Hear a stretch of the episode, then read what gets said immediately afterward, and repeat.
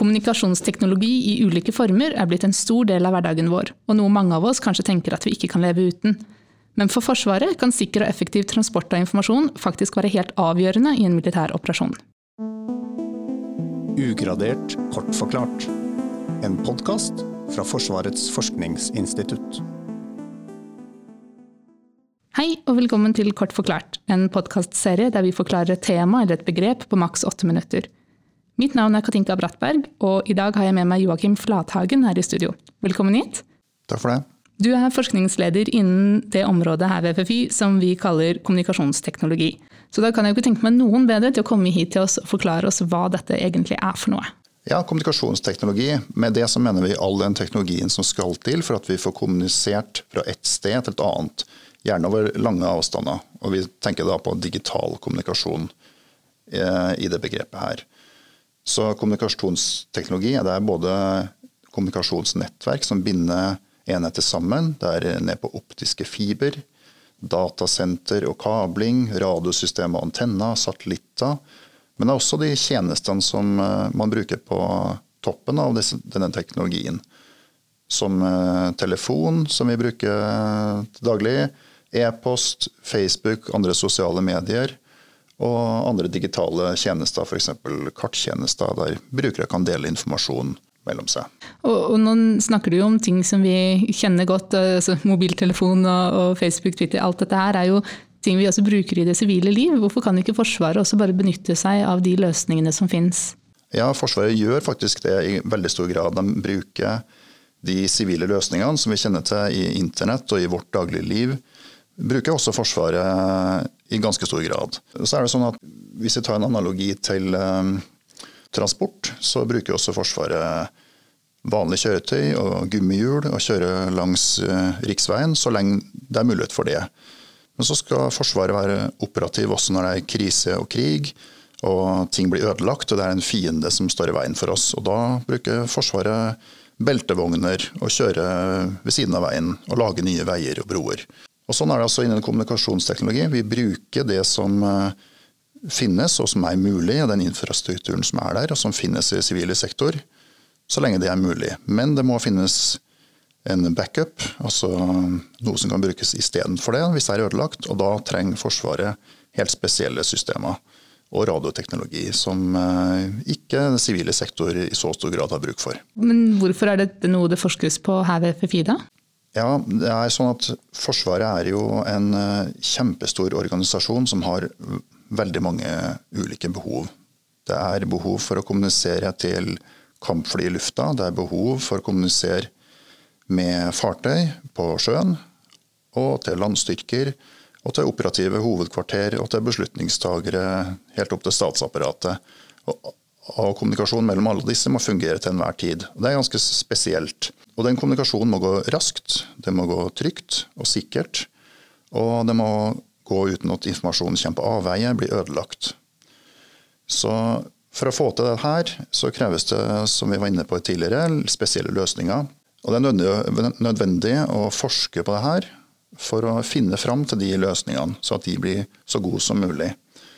Og det er også nødvendig at noen ser behovet Forsvaret har, altså brukerbehov, da, i sammenheng med teknologiutviklinga, og med de spesielle forholdene vi har i Norge. Det er et langstrakt land med både høye fjell og store havområder, som gjør at det også kan være krav for eh, spesiell teknologi her, som kanskje andre land ikke har. Derfor er det nødvendig at vi på FFI hjelper Forsvaret med å forske på det her.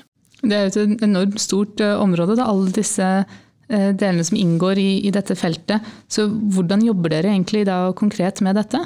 Ja, det, er, det, å forske på kommunikasjonsteknologi på FFI er en veldig variert uh, hverdag. Vi uh, følger jo med nøye på uh, eh, utviklinga innen teknologien, både nasjonalt og internasjonalt. Så vi samarbeider jo godt med både akademia, med industrien i Norge og andre steder.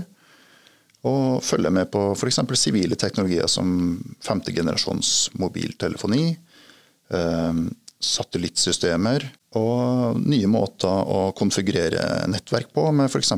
kunstig intelligens. Så vi bruker veldig mye tid på å sette oss inn i den nye teknologien, og jobbe med å tilpasse den og plukke ut de beste elementene av den som Forsvaret kan ha behov for. Og det gjør vi både med å programmere, med å koble sammen, og gjøre eksperimenter på lab og ute i felt sammen med Forsvaret. Så det, det betyr at vi har behov for Eh, folk med variert bakgrunn, både innen elektronikk, radiokommunikasjon, fysikk, matematikk, mye informatikk og kybernetikk. Vi har også behov for eh, personer som er gode på å forstå Forsvarets behov for kommunikasjonsteknologi. Hva, hva ser du for deg er liksom de største utfordringene innen dette området i årene som kommer? Jeg tenker Teknologi er jo et område som eh, har en enormt rask utvikling. Hvordan går det an å egentlig Eh, jobbe med de behovene som er ikke i, dag, men i framtiden? Ja, det er et godt spørsmål. Altså det, vi kan starte med den, eh, den evige utfordringa vi jobber med. og Det er jo det å hjelpe Forsvaret med å overføre store datamengder trygt over store avstander, der hvor det ikke finnes noen vanlig infrastruktur, sånn som vi kjenner i det sivile samfunn. Og I tillegg der, en, eh, der finnes en fiende som kan eh, forsøke å hindre at dette fungerer. Så Det er jo den evige utfordringa vi, vi jobber med. Og Vi syns det er veldig spennende det her, for det å finne ut av dette her er, har jo en enorm betydning både for Forsvaret og for sikkerhet i Norge. Så vi tenker at dette her er jo en av de viktigste jobbene man kan ha som teknolog. De teknologiske utfordringene, altså mulighetene for å kunne løse det her, er f.eks. det å kunne jobbe tett inn mot den sivile utviklinga, så man kan utnytte sivile teknologier. Og så kunne ta i bruk dette hurtig nok. Så man kan være på ballen, som man sier. Det er også det å kunne utnytte eh, nye frekvensområder, så man kan kommunisere på nye måter uten at uh, Forsvarets enheter blir oppdaga eller forstyrra. Og vi ser også på det å kunne utnytte uh, kunstig intelligens for å etablere komplekse nettverk. Altså nettopp fordi at Forsvaret har behov for å operere både i fred og krise og krig, og det krever helt forskjellige mm, kommunikasjonsmetoder for å kunne tilfredsstille brukerbehov i fred som det gjør når det er en skarp operasjon.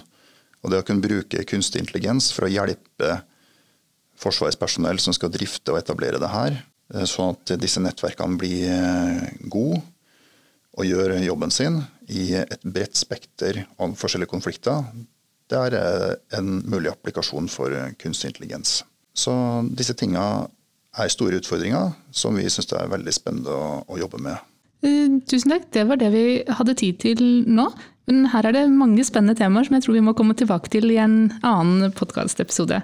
Så tusen takk Joakim, for at du hadde tid til å komme og forklare oss litt mer om hva kommunikasjonsteknologi egentlig er for noe. Takk for det.